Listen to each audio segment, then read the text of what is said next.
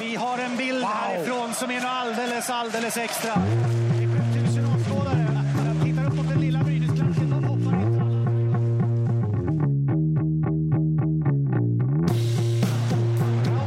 Hockeyn är ju det. Mål!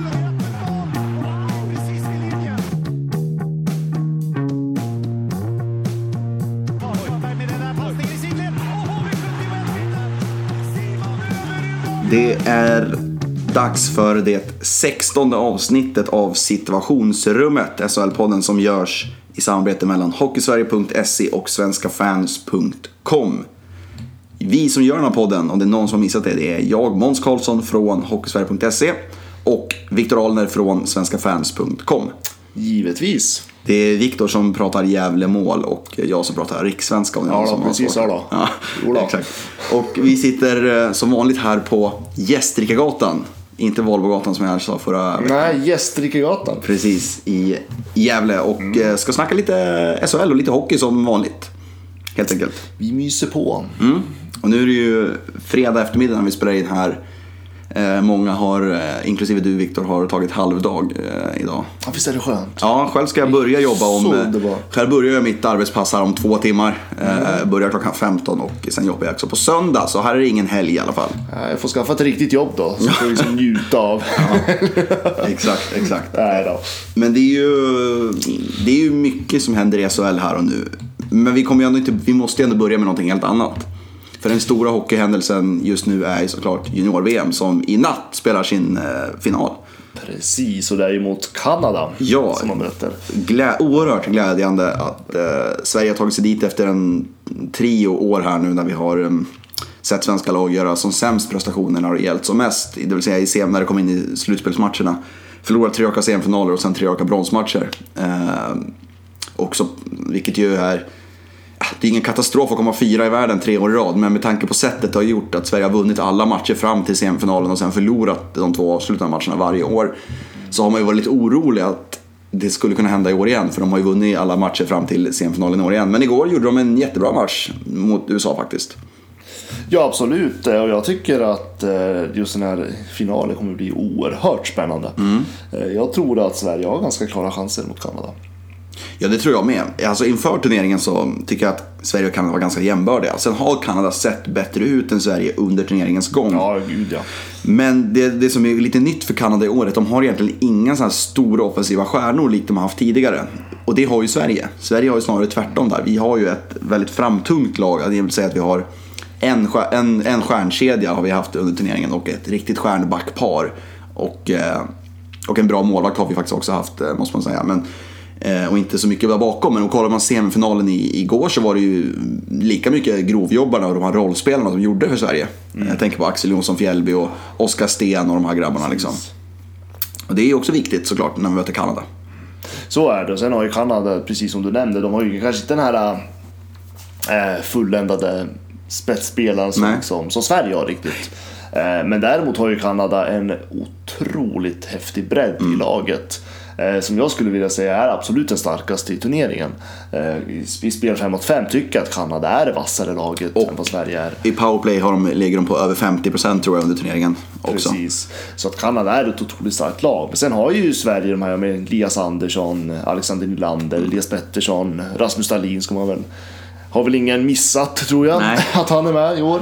Eh, Och precis som du säger, de här breddspelarna med Jonsson Fjällby och ja, jag menar allt kan hända i final, men jag, tror, jag tror faktiskt att Sverige har en ganska bra chans mot Kanada.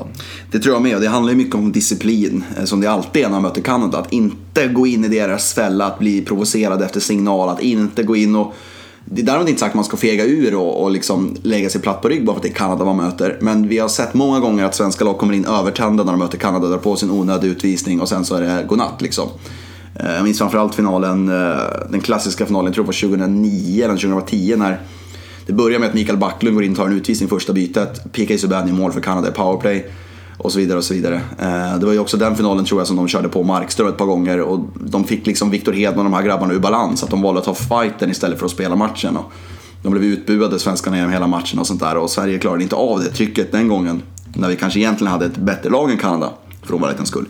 Eh, så det blir ju, disciplin tror jag blir nyckelordet i natt faktiskt. Om vi ska ha kunna, kunna få se ett svenskt landslag som vinner.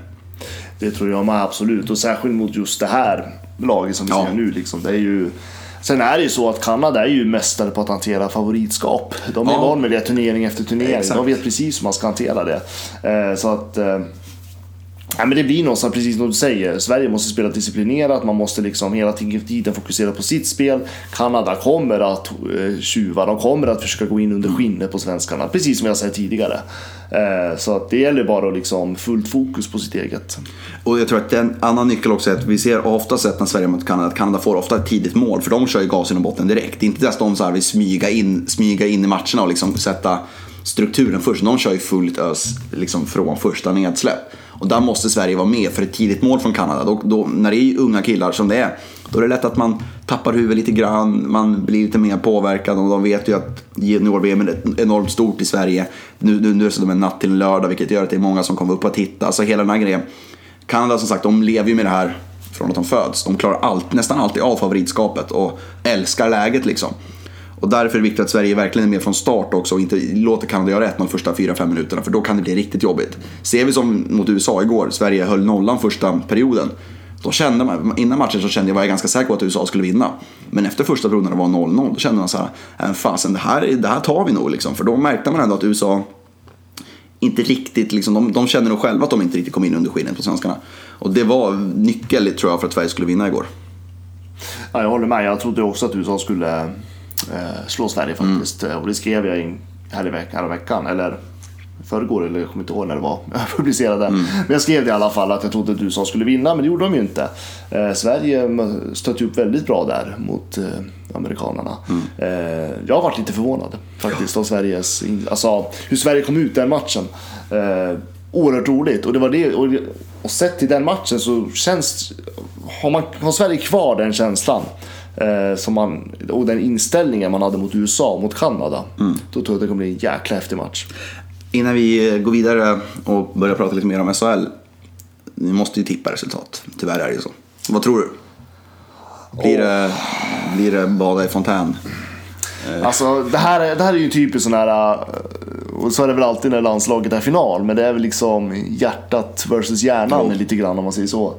Eh, Men om jag ska vara tråkig så säger jag ändå 3-1 till Kanada. Mm. Det tror jag du kan ha ganska rätt i. Men det vore ju skönt eftersom vi vann ju senior-VM-finalen mot Kanada i finalen. Precis. Och det vore ju mäktigt då att vinna även junior-VM-finalen. Ja. Men jag tror också Kanada är favoriter. Eller de är favoriter. Jag skulle säga att eh, ja, men 3-1 är väl ett ganska rimligt tips. Att, Men jag säger väl 4-1 sista i tom kasse då till Kanada. Men vi hoppas att vi har fel. Ja, verkligen. Det, här laget, alltså svenska laget har ju alla ingredienser för att vinna guld. Det är ju inget snack om saken. Så att det vore ju inte en dunderskräll om Sverige vann. Och inför turneringen så var ju Sverige ett av de tre stora favoritlagen. Det är väl mer att har hackat lite grann under turneringen som gjorde att man kanske inte trodde på det här riktigt för igår när man såg Sverige-USA-matchen. Men det blir häftigt i alla fall. Eh, Det ska bli jätteroligt att se och äntligen är Sverige tillbaka i final. Första gången sedan 2014 och det är inte så länge sedan egentligen. Men det känns som att det var väldigt länge sedan i och med att det har varit några misslyckanden i rad här. Så att, eh, ja, det är bara önska stort lycka till, till till grabbarna. Hoppas de gör en riktigt bra match. Jag önskar verkligen. Men nu går vi in till eh, över till SHL-snacket. Om det är någon som bryr sig om SHL de här dagarna eller om hela Sverige har drabbats av någon JVM-feber. Men det har ju hänt en del som vanligt i våran kära liga. Och eh, vi tänkte väl börja med en, en, en värvning som, som kom häromdagen när Frölunda återigen valde att förstärka sitt lag. De plockar in eh, slovenske forwarden eh, Jan Murzak. Har inte varit allt för många slovener genom åren i SHL. Nej. Eh, men ändå ett par, tre stycken i alla fall. Ehm, Det är svårt att bedöma killar som inte har spelat i, eh, i svensk hockey tidigare. Han har varit en bra poängplockare i KL för några år sedan och har gjort en del matcher också i NHL. Vilket är ju väldigt få slovener som har gjort. eh, ehm, Utan vi tänkte väl mer snacka om trenden i sig det här med att Frölunda har gjort en del värvningar under säsongen. Eh, Ja, vi har ju pratat om Frölunda lite grann då och då. Liksom. Jag har ju varit ganska kritisk till dem. Ja. Eh, Men jag tycker ändå att de börjar väl kanske växa sig in i serien. Ja, de har ju sätt. varit De har ju- jättestarka sista veckorna. men de har ju verkligen Ja. varit det. Och liksom, de ligger ändå, ja nu, ligger de, nu är det så jäkla tight i tabellen, men nuläge ligger de ju ska vi säga, fyra. Mm. Eh, Med ja, lika mycket poäng som både Färjestad och V71. Eh, som de har på vardera sida om tabellen. Så att, eh, det känns ju någonstans som att Frölunda ändå är på rätt spår. Eh, och sen är det ju som precis som du säger, det är jättesvårt att sia när man tar in en spelare så här sent på säsongen. Mm. Eh, som dessutom har varit skadad stora delar av säsongen inte spelat så mycket i KHL Exakt, just det. Eh, så att det är svårt att säga. Sen är det också intressant vad Frölunda har för tanke bakom den här spelaren. Mm. Men det känns ändå, alltså känslan att Frölunda är på rätt väg ändå. Men det här med att de, jag har ju varit kritisk till de tidigare värvningarna de har gjort. Både Fredrik Styrman som visserligen bara är ett lån. Han gjorde också två självmål tror jag igår. Man match mot Växjö så det var inte jättelyckat. Men jag har faktiskt inte sett eh, så mycket av honom. Eh, så jag kan inte uttala om det har varit bra eller inte. Mike Webber var ju, sågade jag ganska friskt. Han har gjort gjorde det jättebra så han var tvungen att lägga av. Och sen är det då Joel Mustonen som också varit en bra värvning. Så de de har fått in har ju ändå gjort bra eh, avtryck. Mm. Eh, men frågan är ju om Frölunda hade gjort de här värvningarna om de hade liksom gått som planerat. Det vill säga att de hade varit kanske ett lag som, de har ju varit väldigt ojämna från match till match. Hade de då förstärkt på det här sättet de har gjort? För jag tycker redan inför säsongen att de hade en ganska bred trupp. Liksom. Ja, nej det tror jag absolut inte. Hade Frölunda gått bättre från början hade man inte eller förstärkt så här på det här men, sättet. Men kan man då säga det som någon sorts panikåtgärd? Inte panik, men du förstår vad jag menar? Ja, alltså Frölunda hade ju inför den här säsongen väldigt höga tankar om sig själva. Eh, de såg ju sig som topplag. Mm. Man pratade om att... Och alla andra såg dem som topplag. Alla, alla andra såg Frölunda som ett topplag. Man pratade mycket om hur bra Frölunda mådde som förening, mm. organisation. Eh, gick inte alls som man hade tänkt sig från början. Eh, hela hösten egentligen gick ju knackigt ja, om man ska vara ärlig. Ja. Eh, så att eh, det är klart att när man sätter den där pressen på sig själva och förväntningarna som finns runt Frölunda så tror jag absolut att det har ju liksom förorsakat att Frölunda har valt att ja, jobbat den här mm. vägen. Och de är inte på samma nivå som Rögle när det gäller att omsätta spelare heller. Så det, det, det, är inte att vi... Det är något extremfall. Men ändå plocka in liksom ett gäng killar och det har gått drygt halva säsongen och sådär. Frågan är hur mycket... Men jag, men jag gillar ändå typ den här typen av liksom satsningar från mm. ett lag som egentligen, det har ju aldrig varit kris eller panik i Frölunda. Det har ju liksom, både du och jag ändå varit, vi har ju varit kritiska men ändå lugna mm. när vi pratar Frölunda. Eh, men ändå så väljer klubben liksom att nej, vi ska tillhöra toppen och man bygger vidare och förhoppningsvis då, för Frölunda då, ett långt slutspel. Mm.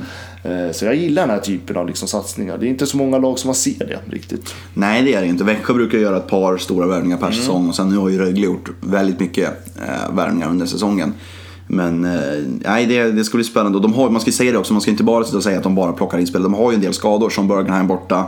Eh, Patrik Westerholm långtidsskadad och nu är dessutom Elias Andersson borta på JVM. Han kommer ju tillbaka snart. Så där, han kanske till och med kommer i spel innan John Mursak om det nu är så att han fortfarande är skadad som det har varit lite, lite snack om och sådär. Men, men eh, de, har ju, de har ju varit ganska beroende av eh, Ryan Lash och nu på slutet Viktor Olofsson under säsongen. Så det här är väl kanske ett sätt också att få lite mer djup i uppställningen, laguppställningen. Att, eh, få in en spelare som kan lira i andra och tredje kedjan vilket gör att då kan någon annan flytta ner ett hack i, som någon som spelar i tredje kedjan nu kan gå ner i fjärde kedjan och så vidare. och Så vidare. Mm. Så man får ju, en värvning behöver ju inte göra att just den blir en succé, den spelaren i sig, utan det kan ju också göra att liksom hela laget blir mycket, kan ju bli mycket bättre av en sån värvning.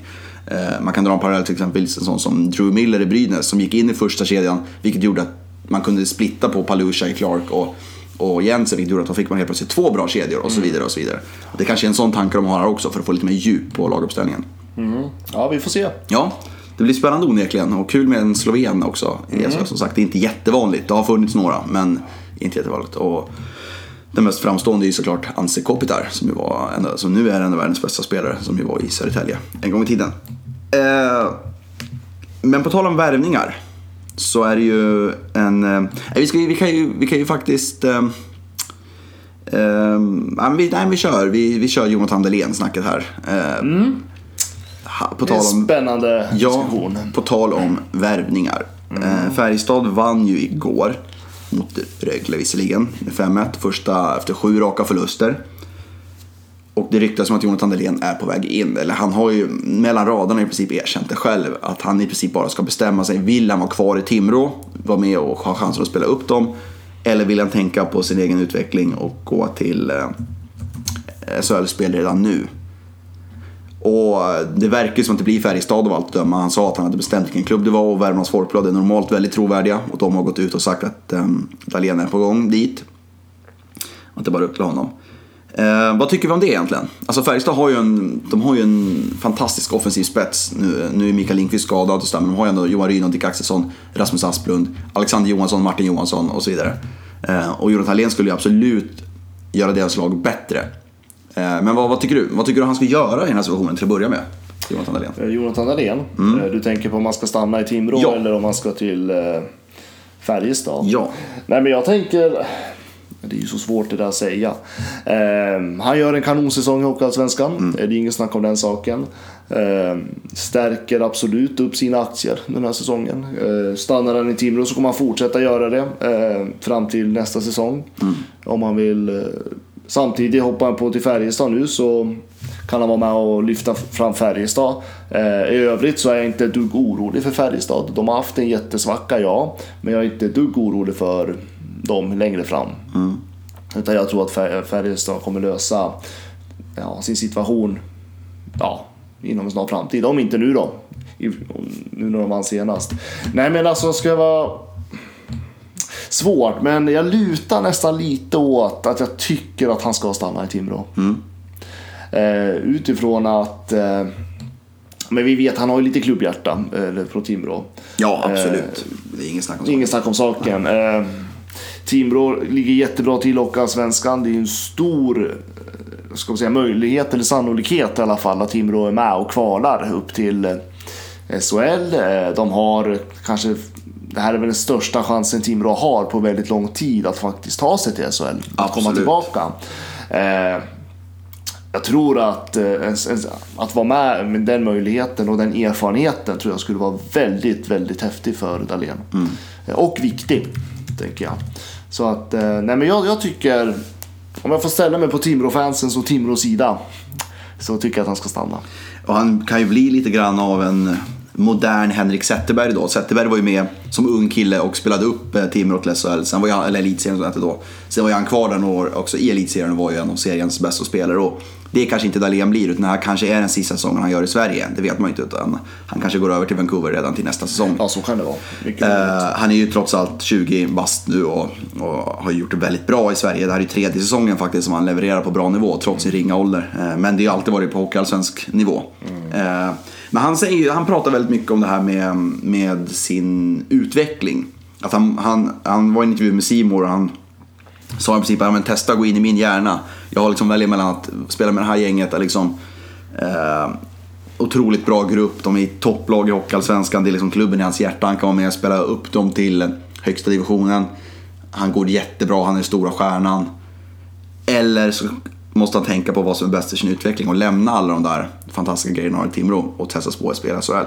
Men jag känner lite grann, hur mycket bättre blir han av att spela ett halvår i SHL jämfört med ett Mindre halvår än i ett halvår blir det Ja, precis. Ja, det är exakt. Nu, det är ju ja, det är en halv säsong, tre, två, tre månader. Ja. Hur mycket bättre kan han egentligen bli? Hur mycket, hur, om tio år när han är 30 bast och har varit in i sin prime i, i karriären.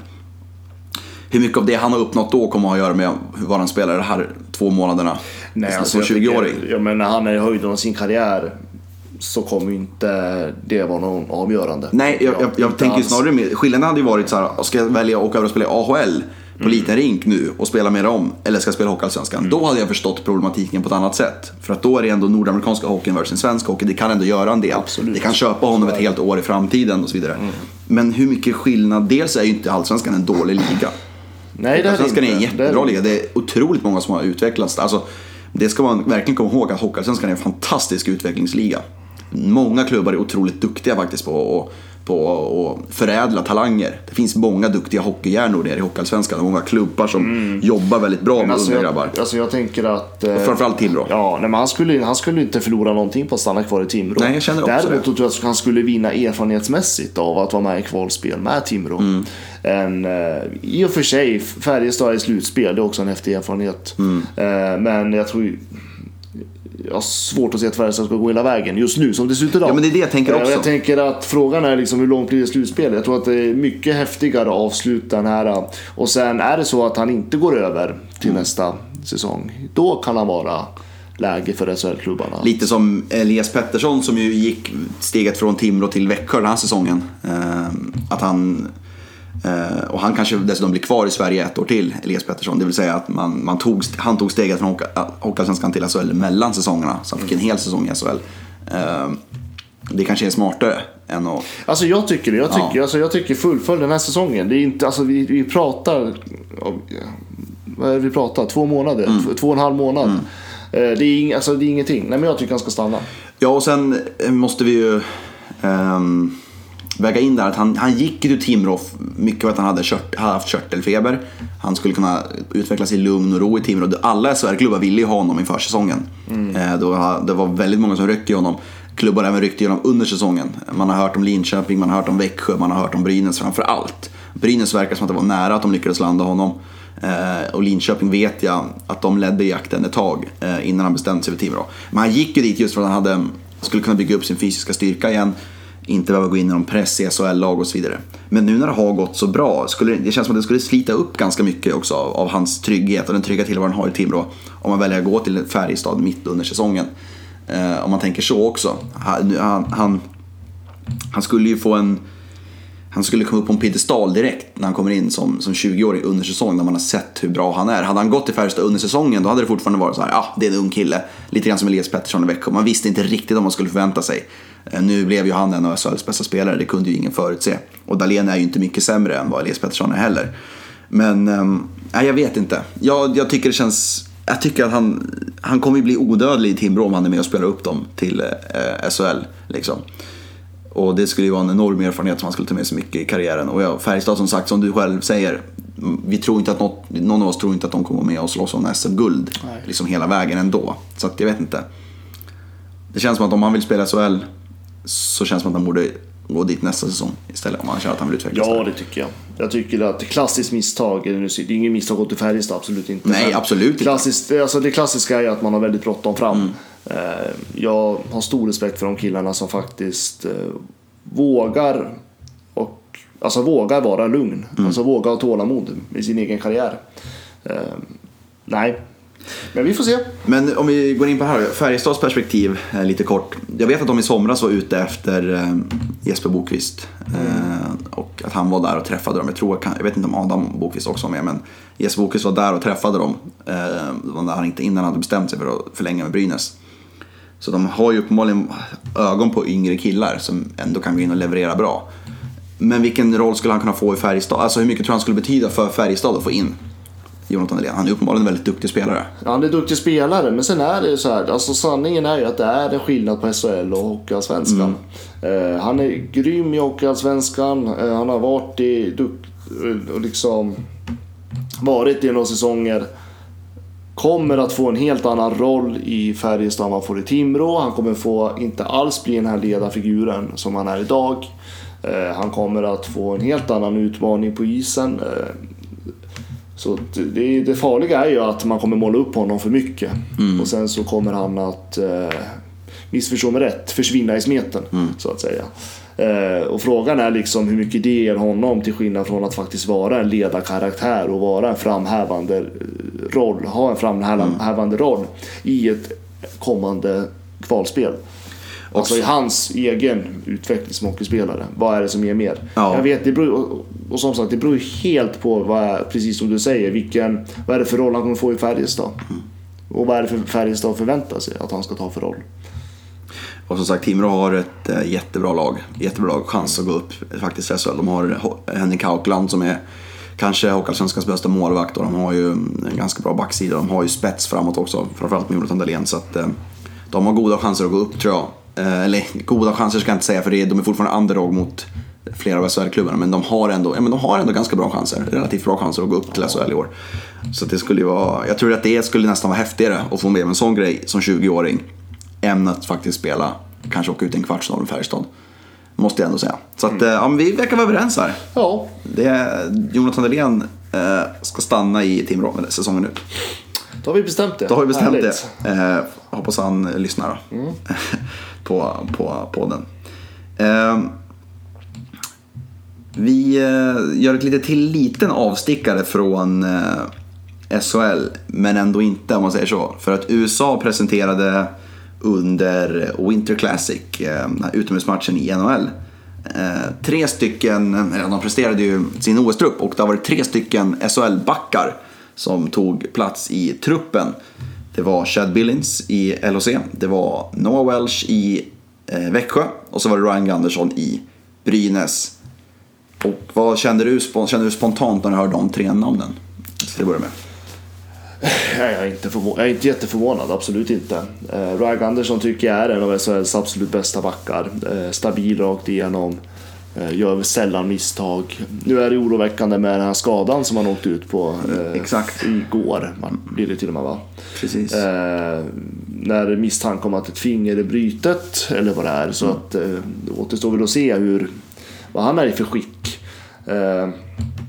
Eh, eh, lika Chad Billings, jag tycker inte det är någon konstighet egentligen.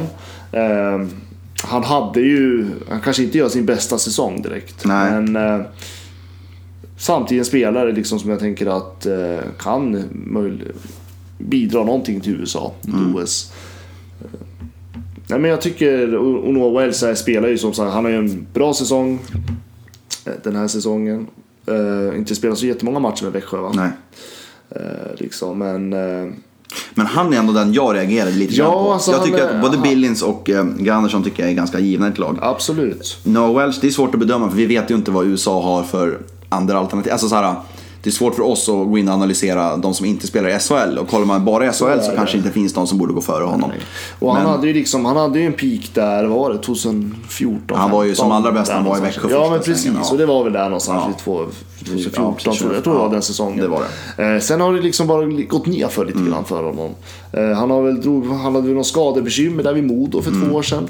Eh, gick väl sådär i Malmö i och för sig. Nu spelar han ju en bättre lag i Växjö då, men jag tycker liksom det är väl frågetecken, det håller jag med om. Mm. Sen är det också det här eh, som alltid när man bygger upp ett lag, vad har man liksom förväntningar utöver det här sportsliga på den här spelaren? Liksom? Kommer han bidra med något annat? Ja, och han är ju en ledarfigur, Ja, eh, precis. Welsh. Så att, Eh, ja, precis som vi har diskuterat i Joel Lundqvist Mm. eh, i svenska landslaget. Så att eh, frågan är ju liksom vad man har för tanke bakom honom. Men jag tycker backarna, har ingen snack om. Nej. Det tycker jag är klockrent. Eh, men, men, men om man ja. pratar om de som inte kom med då. För vi såg ingen Ryan Lash i OS-laget, ingen Andy Mealy, ingen Ret Rakhshani, ingen Aaron Palushaj. Alltså det är till tungan, alltså framförallt att inte Ryan Lash är med i USAs OS-lag. Alltså hur, hur kan de ha speciellt många bättre spelare i Europa överhuvudtaget än Ryan Lash undrar jag. Alltså den nivån han håller match efter match, år efter år. Den enorma spetskompetens han har i powerplay. Alltså han är ju, jag såg igår mot Växjö, eh, Frölunda förlorade visserligen den här matchen. Men alltså det han gör i powerplay så där, det är ju helt otroligt. Och som sagt, den poängproduktionen han håller i SHL som är en väldigt, väldigt bra defensiv liga. Alltså det är otroligt välskolade lag, bra, duktiga målvakter. Att han håller den nivån han gör. Jag tycker det är sjukt att han inte är med i OS-laget måste jag säga. Ja, men jag tänker lite så här faktiskt. Det är bra för Sverige att han inte är med. Ja, det är det. Och bra för Frölunda också. väldigt bra för men, nej, men så att jag tänker, ja. Men som sagt, jag har lite dålig, haft inte riktigt satt mig in i USAs Nej. truppen. Så jag har lite svårt att se Nej, det- hur, de, hur de tänker kring spelarna. Men eh, Ja. ja, det är lite frågetecken på honom. Men eh, Ryan Gunderson och Chad Billings, det tycker jag är helt okej. Mm. Ryan Gunderson trodde jag nästan inför den här säsongen att han skulle få en plats. Eh, så här, under snacket om jag, i och med att NHL inte är med. Men eh, Nej, Jag, ja, nej, jag, jag tycker också att eh, uh, Billings och Andersson är klockrena och sådär. Men uh, är lite tveksam och sen hade jag gärna sett åtminstone Andy Mealy och Ryan Lash i truppen.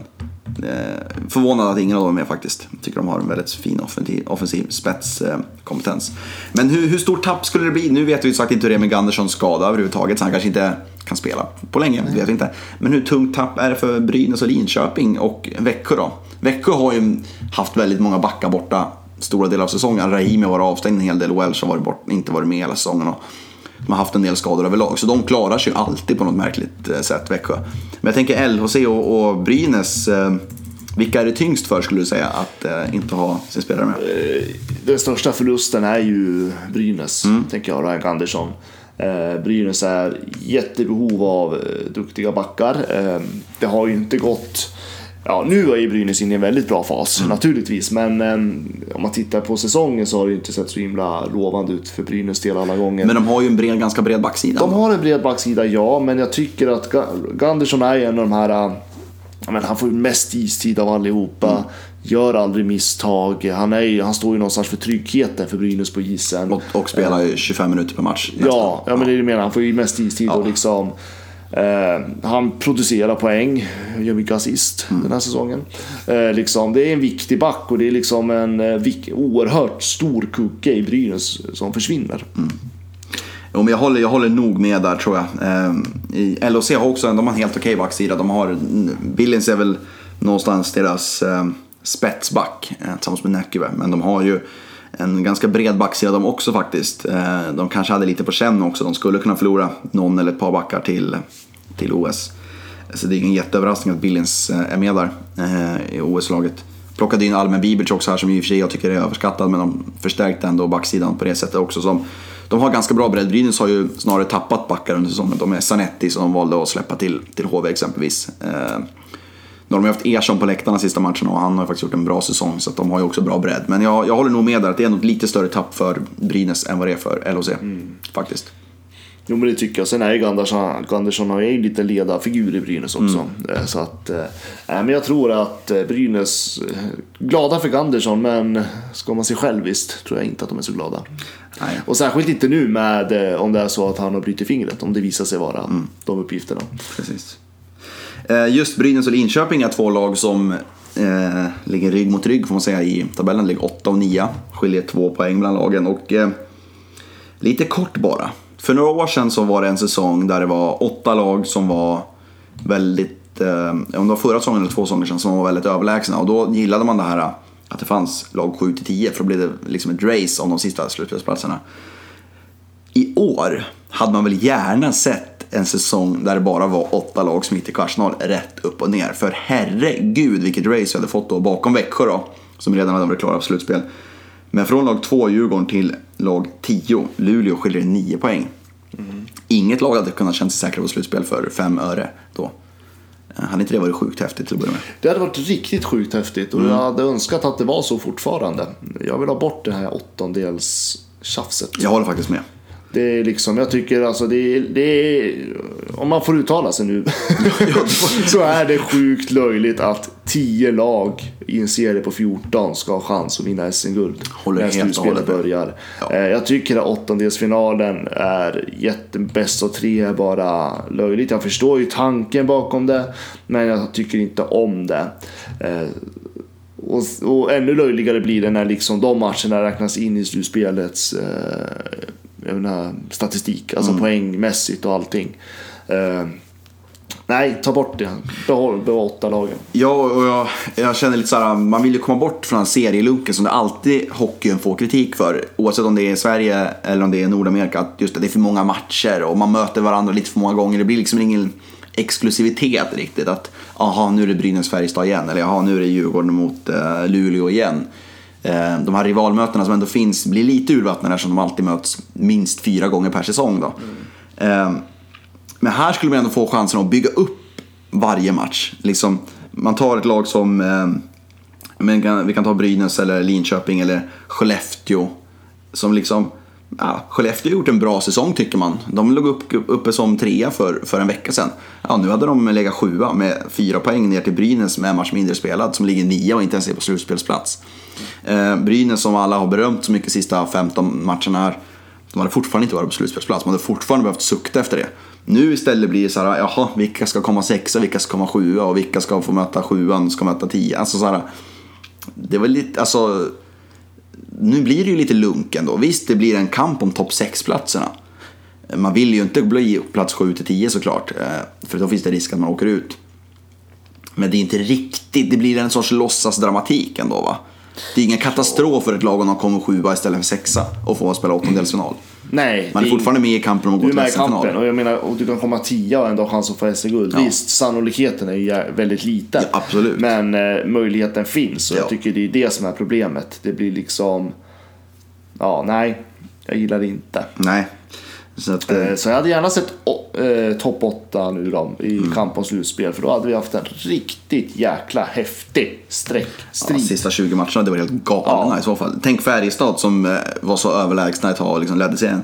Ja, de är två poäng, eller eh, sex poäng så hade de inte legat på slutspelsplats ens. Eh, och då Brynäs som spelar en match mindre än Färjestad. Nej, så att... Eh, ja, HV, regerande mästarna, hade riskerat att missa slutspel. ja, det hade de. Liksom. Det hade varit... Och Brynäs och Linköping hade ju slagit som gnuer för Ja. att hamna där på där Linköping ligger just nu. Precis. Eh, Det, hade varit, det enda laget som sagt som hade varit trygga är ju Växjö. Ja. Eh, För nu vet vi vilka fyra lag som kommer göra upp om att inte behöva kvala och vi vet vilka tio lag som kommer gå till slutspel. Det finns inte en chans tror jag att, att alltså Mora om de, de har en hängmatch på Luleå och vinner den så de tio poäng bakom. Det är lite för mycket tror jag ändå. Även fast Luleå inte är något superlag, även fast jag gillar Mora så är det lite för mycket. Så det blir liksom ingen dramatik överhuvudtaget där. Det är lite tråkigt. Nej, det är ju snar, alltså det är snarare strecket, eh, tänker jag, Karlskrona, Örebro. Precis, det är där dramatiken är, ligger. Ja, Ja. det är där dramatiken ligger. Om det nu kommer bli en dramatik. Ja, det är inte fy skam med den dramatiken heller, men det, det är inte riktigt det man Nej, vill och jag tänker att den dramatiken skulle fortfarande leva. Om vi ändå hade... Mm. Ja. Ja, men, ja, men exakt. Då hade det varit två, två hade inte dramatiker. Ja, det hade Ja. inte blivit någon skillnad. Nu blir det liksom en dramatik och resten så får vi se. Ja, resten blir halv, eller så här, låtsas dramatiskt. ja. Liksom. ja, men lite grann så faktiskt. Jag håller med. Jag håller helt med. Ehm, det, det tajtades till ytterligare igår. Ehm, matchen vi ska gå igenom lite kort här. Vi börjar med Brynäs-Luleå. En match som jag såg på plats och en riktigt usel match. Ehm, båda lagen var riktigt dåliga. Brynäs vann med 4-1. Det finns egentligen inte så mycket att säga om den matchen. Det var... eh, Klar seger för Brynäs. Ja, men knappt men klar. För det var ju två mål i tom kasse. Ehm, så det är siffermässigt klar match. Men det var 2-1 ett tag där. Ehm, Nu går vi för statistiken. Ja, ja, precis. Eh, Sen gjorde Bulan en Bulan och plockade målvakten med tre minuter kvar och då gjorde Brynäs Men två det, mål. vi känner Bulan väl, Ja. du och jag. Så att... Det var någon som skrev på Twitter att till slut så eh, gav det fördel till Brynäs att Bulan tog ut målvakten tidigt. Eh, det var ganska kul. Ja. Men då, ja, lite elakt men ändå lite kul. Eh, det var grovjobbarna som gjorde det för Brynäs där med Granström och Alsen och eh, company. Och Rautio bra i mål. Återigen, så det Brynäs gick förbi Luleå på målskillnad faktiskt. Det var viktigt för Brynäs. Viktigt för Brynäs. Örebro-Djurgården. eh, Djurgården tog en tight 3-2-seger efter förlängning. Örebro fortsätter att vara svårslagna men ändå förlorar Jag liksom. måste säga ändå starkt av Örebro tycker jag. Eh, Men det här är lite typiskt Örebro. De, de är ofta med i matcherna men räcker inte riktigt, riktigt, riktigt till hela vägen. Nej, och det tänker jag helt ärligt har lite med att göra att de har inte spelarmaterial. Nej, men det är ju så enkelt. Ja. Alltså mot ett lag som Djurgården. Så är det. Så enkelt är det faktiskt. Ehm, Karlskrona mot HV 71. Gick väl som förväntat kanske? Ja, det får man säga. Och KK var med i matchen i alla fall eh, resultatmässigt ett tag. Stod 1-1 eh, eh, inför tredje perioden. Men sen, ja, jag vet inte.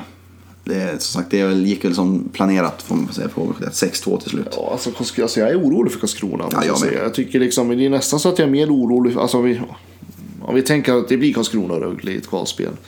Eh, så skulle jag nog vara mer orolig för Karlskrona. Ja, ja, ingen snack om saken. Alltså absolut. Jag 100 tycker- procent. Rögle har i alla fall ett spel. De har ett spel. De, kan ju, de, kan ju, de behöver inte överleva på att motståndare är misstag och att man har Det känns som att Karlskrona någonstans har tappat sitt spel. För de hade ju det Mm. eh, tidigt på säsongen. Så tyckte jag ändå att jag såg en tydlighet kring, kring Karlskrona. Och tyckte Mm. ändå att de hade ändå en fin tanke. Alltså det fanns ändå en tanke bakom spelet liksom. Eh, tycker att de har förlorat den lite grann. Håller med. Men ja, det är stabilt av HV som förväntat den här matchen. Ja, eh, men sen har vi då överraskningen på kupongen. Mm. Eh, riktigt kupongrensare som man har sagt i stryktipssammanhang. Mora-Skellefteå. 3-0 till Mora. Och, Det är ingen domare som kan ha avgjort det. nej, exakt. Vi bara, exakt. vill bara säga det ja. till... Ja, Skellefteå, jäklar vilken uh, käftsmäll de åkte på. Den har vi inte pratat om mot eh, Malmö där. 4-0 till- ledde ju Skellefteå med när det var sex minuter kvar. Just och sen vann ju. Malmö 5-4. Det var ju då som Bert rasade över dom, domarna igen och sa att han var så trött på att prata om domarna efter varje match. Och det finns ett ganska enkelt sätt att inte behöva prata om domarna varje match. Man nämner inte Det är domarna inte prata om domarna efter Så enkelt är det bara. Det, det är ingen som tvingar honom att göra det. Nej, Nej. men jättehäftig vändning. Eh, Sist vi såg den så var det faktiskt 2012. Ja, Då var det. Brynäs-Timrå. Ja, just det. Eh, Sista Sista grundserieomgången. grundserien då Timrå ledde med 4-0 Stämmer. och Brynäs vände. eh, Så att eh, det har inte hänt sedan dess. Nej. Från och med nu då. Exakt. Att, eh, Men vi var ju med om en liknande för, förra veckan när det var Skellefteå som gjorde det mot Rögle, men då var det bara 3-0. Ja, På sista precis. nio minuterna och här var det 4-0 de sista sex minuterna. Ja, men då var domaren bra vet du. Ja, exakt. exakt. Nej, nu är jag, nu är jag för dum mot Skellefteå-fans. Ja, exakt. Sen minns jag också en match när jag tror AIK ledde med 7-2 mot HV och sen AIK, eller HV med 8-7. Eller om det var tvärtom, att HV ledde med 7-2 och sen AIK med 8-7. Jag minns inte riktigt. Men Skellefteå som sagt släppte in fem raka mål mot eh, Malmö och sen nollas man mot Mora släpper in tre raka mål till. Eh, och helt plötsligt som sagt, för en vecka sedan låg de trea och vi kände liksom oj, nu är de på gång. Och sen så är de med en sån här och sen förlorar de mot Mora borta. Och så går det snabbt sen var sjua i SHL. Och så är det. Och Skellefteå, de ligger ju liksom eh, ganska jobbig situation ändå tycker jag tabellmässigt. Mm. De har tre lag bakom sig som mycket väl kan komma ikapp. Mm. Eller som kan gå om till och med. Framförallt Linköping och Brynäs. Precis. Samtidigt som de också har möjlighet att eh, haka på resten av toppen. Ja, de kan, ju, de kan ju lika gärna bli tvåa. Precis, så att eh, men Skellefteå ligger någonstans mitt i gröten på något sätt just nu. Så att de har inte råd med de här förlusterna. Och de är, de är alltså jag tänker så här, de tappar hela sin första kedja under OS där. Ja, Det, kom, alltså de. de, det är egentligen bara den kedjan som levererar för Skellefteå. Sen är det typ Jonathan Pudas, gjort en del poäng på back, backsidan. Eh, men de här Jesper Olofsson, Bud Holloway, Matt Anderson, eh, eh, Henrik Hetta, Adam Pettersson, den typen av spelare. De måste kliva upp och spela första kedja ex, eh, i princip. Det kommer inte de klara. Tuff, alltså, det kommer inte de klara. Nej, Skellefteå har en tuff eh, framtid. De måste värva. Jag, jag känner så här, de, har, de är den rikaste klubben i Sverige. Man kollar, Rögle omsätter fyra spelare i veckan ungefär. Eh, eh, Färjestad, eller Frölunda kan förstärkt under säsongen. Många klubbar har förstärkt under säsongen. Till och med Växjö har gjort det fast de liksom är i det läget de är. De värvade, värvade ändå in Brennan Kihlin, de värvade ändå in Welch. Skellefteå värvade knappt någonting inför säsongen. Det var några spelare på backsidan som kom in. Eh, inte gjort någonting under säsongen.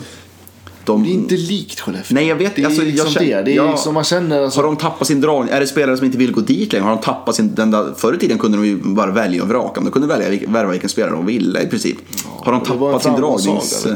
Vad sa du? Det är ju framgångssaga Ja, på den tiden. Det var kanske lite annat. Nej, jag vet inte. För men det är precis som du säger. Pengar har de. Eh, Det finns kapital Mm. Ja, ja. att värva ett helt till lag om man skulle vilja det. Ja, så att jag, eh, nej. jag blir lite orolig för, för eh, Skellefteå just med den aspekten att de tappar verkligen hela sin förstkedja. Ska de leva på Johnny Ortio? Eh, han kanske också blir åtstagen för Finland. Det, vet- det kan man inte utesluta. För han har gjort en bra säsong. Och då, ja, jag är lite orolig. Och Mora Nej, men jag tycker vi får eh, följa upp Skellefteå framöver. Det får vi göra. Och se. Och eh. Mora som sagt, jag ska se dem nu eh, live här på lördagen. Eh, det ska bli kul Mm. att se Mora. Jag gillar Mora. Jag tycker de har gjort jäkligt mycket bra. Ja, jag älskar ju deras arena. Ja. Ja. Den är liten och kompakt. Jag, tycker liksom, Ja, jag förstår inte varför SHL ska förstöra sådana där arenor. jag håller faktiskt med. Det är fantastiskt. Den. Och de har ju dessutom plockat in Anders Forsberg nu i ledningen också. Den gamla Skellefteå-profilen och Modo-tränaren. Eh, ska kliva in på någon sorts rådgivarroll Mm. av något slag. Eh, vi går vidare innan tiden, inte tiden springer iväg fullständigt här. Eh, Färjestad bröt sin sju matcher långa segers, eller förlustsvit, vann mot stackars Rögle med 5-1. Ja. Nu är man lite taskig, men i och för sig mot Rögle. Men eh, Och vi var ju inne på det förra gången podd att de hade en väldigt, väldigt tufft spelschema. Och det här var egentligen den matchen som de var tvungna att vinna för att Ja. det inte skulle rämna fullständigt. Precis, och de vann måste-match. den. Alltså det var väl en match som de skulle vinna också. Mm. De vann den med bravur, 5-1. Men eh, ja, vi får se med Färjestad. Jag tror som sagt att eh, Färjestad kommer att återhämta sig efter den här svackan. Mm. Eh, Sen om det här vart vändningen eller om det kommer en match efter, det vet jag inte. Men jag tror att Färjestad kommer lösa det. Men jag kollade lite grann på de som producerade poäng för Färjestad. Så Mm. Marcus Nilsson gjorde mål, första målet. Eh, sen var det Martin Johansson gånger två. Alexander Johansson gånger ett. Per Åslund gånger ett. Och det är just de här killarna, Martin Johansson, Alexander Johansson, Per Åslund. Det är just de som måste leverera. För man kan inte räkna med att Dick, Dick Axelsson, Johan Ryno, eh, nu när Mikael Lindqvist är borta också, att han att de tre ska leverera på den nivån de gjorde första 15-20 matcherna. Man kommer in i svackor så man måste få igång fler. Och nu har ju både Martin Johansson och Alexander Johansson och Per Åslund varit en del skadade, eller ganska mycket skadade under säsongen också. Eh, Så de tre, viktigt att få igång de tre eh, grabbarna. Och sen får vi se om Jonathan Dahlén också kommer in. Då har de ändå en väldigt fin offensiv bredd Färjestad. Många som kan leverera. Ja, gud ja.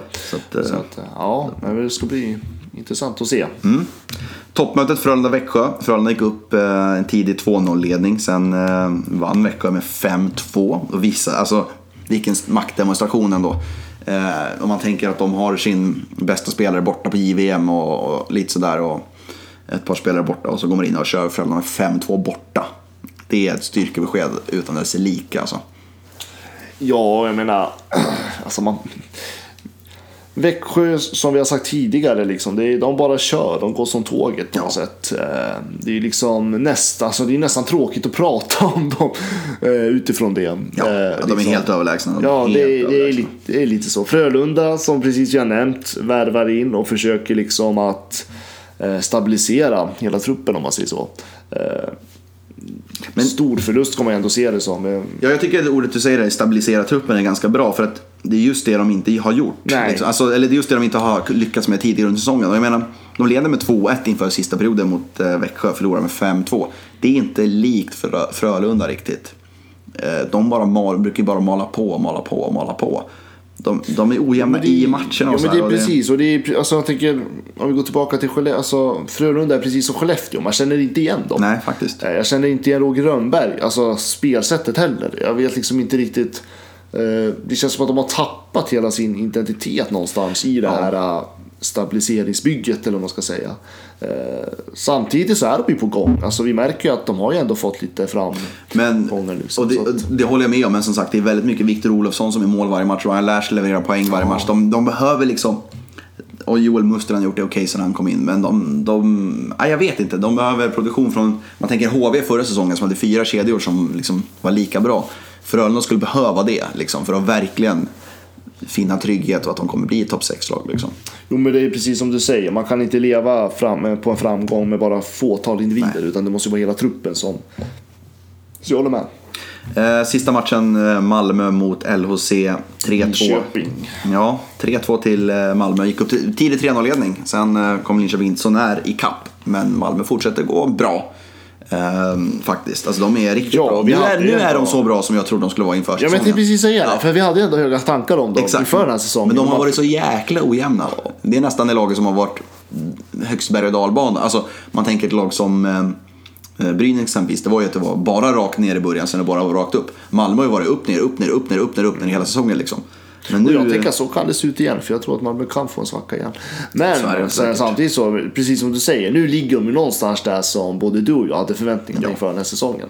Så att, ja, det är Ja. kul för Malmö. Jag tycker att det de, har ju inte kul. varit, de har inte varit uppe så länge heller. Nej, och jag tycker att det är ett roligt lag. Jag tycker de spelar ganska kul hockey. Det är ofta roliga matcher när Malmö spelar.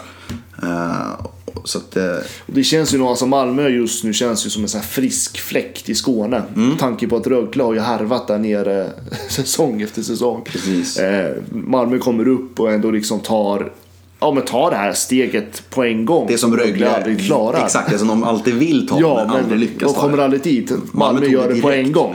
Ja. Eh, Jag tycker det, liksom, det blir som en ja, men frisk fläkt i Skåne. Jag tycker det är bra för södra Sverige. Ja, de gick väl upp. Eh, det här är väl tredje säsongen båda gör upp i SHL. Och för två säsonger sedan tror jag till och med Rögle kom placeringen före Malmö i tabellen. Eh, när båda var nykomlingar. Jag tror de kom i ingenmansland båda två. Ja, Eh, och sen det så... stämmer. Jo, men det var väl Malmös första säsong. där. Ja, precis. Jag tror Rögle också var det. nykomlingar då. Och sen förra året så gick ju Malmö till semifinal. Och i år förstärkte båda lagen ganska mycket. Man trodde ändå hyfsat mycket om båda. Ja, Eh, och det är ingen möjlighet att det blir en semifinal i år igen heller. Nej, Malmö. verkligen, Det beror ju, alltså, slutspel kan allting hända. Så att, ja, nej men eh, det är kul. Mm. Jag tycker det är bra för våra sydligaste breddgrader i Sverige. Håller med. Och imorgon möter de eh, Karlskrona, borta Malmö. Eh, Och hemma, sagt, eh, hemma har ju Karlskrona faktiskt varit helt okej. men med tanke på den fart och fläkt som finns i Malmö. Jag har svårt att säga att Karlskrona ska hänga med över 60 minuter faktiskt. Nej, Karlskrona är inte i den formen just nu. Nej, För att, det är de inte. Nej, men nej. Malmö tar det. Ja, det Säger med. på en gång. Det tror jag med. Eh, Rögle-Växjö då? Jumbon mot, den överlägsna jumbon mot den överlägsna serieledaren. Det är, kollar. där, där kommer Rögle att hoppa in vet du. och- Nej, Ja, det skiljer, nej, alltså, det skiljer tror- 43 poäng bland lagen i nuläget efter Ja, lite drygt nej, halva jag tror säsongen. alltså Rögle-Växjö har svårt att se att Växjö, alltså Växjö ska inte förlora den matchen. Får man säga så ens? Ja. Eh, Man säger att alla matcher i SHL är tuffa, jo det är de, men de där två lagen skiljer så otroligt Mm. mycket på alla fronter. Så att eh, nej, jag är ledsen Rögle, men det blir en ny förlust. Luleå mot Örebro då, och här om vi nu, jag har ju sagt det, sa det redan förra podden, det här med döda slutspelsträcket. Ja, vinner Örebro imorgon, då kan det finnas lite dramatik, för de har ju spelat ett par matcher färre än, än Luleå. Jo, det har de Så tar de en trepoängare där så då, finns det ändå, då kan de ha lite hopp fortfarande med slutspelsplats. Men förlust imorgon, då kan vi definitivt stänga Örebros slutspelschanser i alla fall. Eh, Men, och jag tror att Luleå är lite vassare än Örebro, framförallt hemmaplan. Så borde de vinna tycker jag. Ja, i och med att det är hemmaplan så lägger jag min röst på dem. Mora-Brynäs då, det tror jag blir en jäkligt tuff match. Jag, tror Mora, jag håller Mora som knapp favorit där, ehm, faktiskt. Ehm, Brynäs har tagit mycket poäng, men sista veckorna här så har spelet, de gjorde en bra match mot Färjestad hemma. Sen har de varit ganska svaga mot Karlskrona, mot Örebro och jättedåliga faktiskt mot Luleå igår. Ehm, hade tur som vann den matchen. Ehm, så att jag håller Mora som knapp favorit där för dem hemmaplan. Nu såg inte jag Brynäs match igår, men jag säger emot dig. Jag Mm. håller Brynäs som klara favoriter mot Karl, eller vad säger Karlskrona, eller på att säga Mora. Ja. Eh, jag tycker att Brynäs har haft en... Eh, de har en gedigen form ändå. Eh, visst att eh, alla matcher är inte bra när man vinner. Man, kan, man vinner även sina dåliga matcher. Jag tycker det blir mer en styrka. Eh, sen att Luleå inte var jättebra heller, det är en annan sak. Nej, men jag tycker att Brynäs har kvaliteterna för att kunna slå Mora. Det, kän, det är också en sån här match där Brynäs kanske måste vinna om man ska fortsätta klättra i tabellen. För Brynäs vinner matcher, men de klättrar väldigt långsamt utifrån hur jämnt det är i tabellen. Så är det. Eh, Djurgården-Frölunda, storstadsmötet eh, och ett toppmöte. Eh, faktiskt, den, den, den känns oviss alltså. Den känns riktigt oviss. Djurgården. Ja, men jag sätter ändå lite mer på Djurgården, tänker jag. Eh, Jag tycker att eh, utifrån att Frölunda fortfarande känns ojämna så tycker jag ändå Djurgården har ju ändå liksom en mer tydlig jämnhet i sitt spel och haft hela säsongen. Absolut. Eh, Och att Djurgården har hemmaplan. Ja, de är starka Eh, där. Precis, och, eh, och det, nej, men det, det kommer tala för Djurgården. Prestigematch som alltid är när det är Stockholmslag och Göteborgslag som är upp. Oavsett vilken sport det är så är det ju väldigt mycket prestige också inblandat i den där matcherna. Så det brukar kunna bli kul och hett och bra publikdrag också när, när Djurgården möter Frölunda. Ja, absolut. Och Hovet på en lördag, det är ju klockrent. Så att, eh, ja, det blir, det blir kul. Det hade jag gärna sett om det inte var för att jag som sagt skulle iväg till Mora. Eh, Skellefteå mot Linköping avslutningsvis då. Eh, Den var svår. Ja, den är, den är lurig. Den där kryssar jag på. För jag... Ja, alltså, det är ju en sån match som Skellefteå verkligen behöver vinna för att det inte ska bli det här snacket eh, som det lätt blir kring Skellefteå för att de visar vana vid att de ska vara topplag. Eh, så att den- den, den känns jäkligt oviss men väldigt viktig skulle jag säga för båda lagen. Ja, det kan bli... Det kan nog bli någon rubrik efter den här matchen känner jag. Ja, det kan det nog bli. Ja, men alltså jag känner, det känns som en sån här... eh, ja, men en sån här match som kan avgöra på längre sikt också. Mm. Jag tänker både för Linköping, skulle Lin- Linköping vinna det där så placeras Linköping också på en bra känsla. Eh, sen har ju de en match mindre spelade än Skellefteå dessutom. Så att eh, det kan bli kostsamt om Skellefteå förlorar.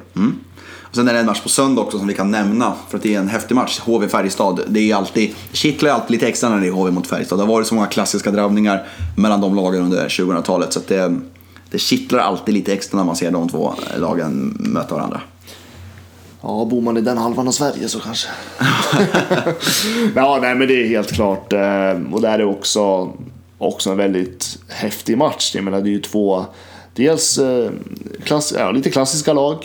Eh, Moderna klassiker. Moderna klassiker, det är modern klassiker.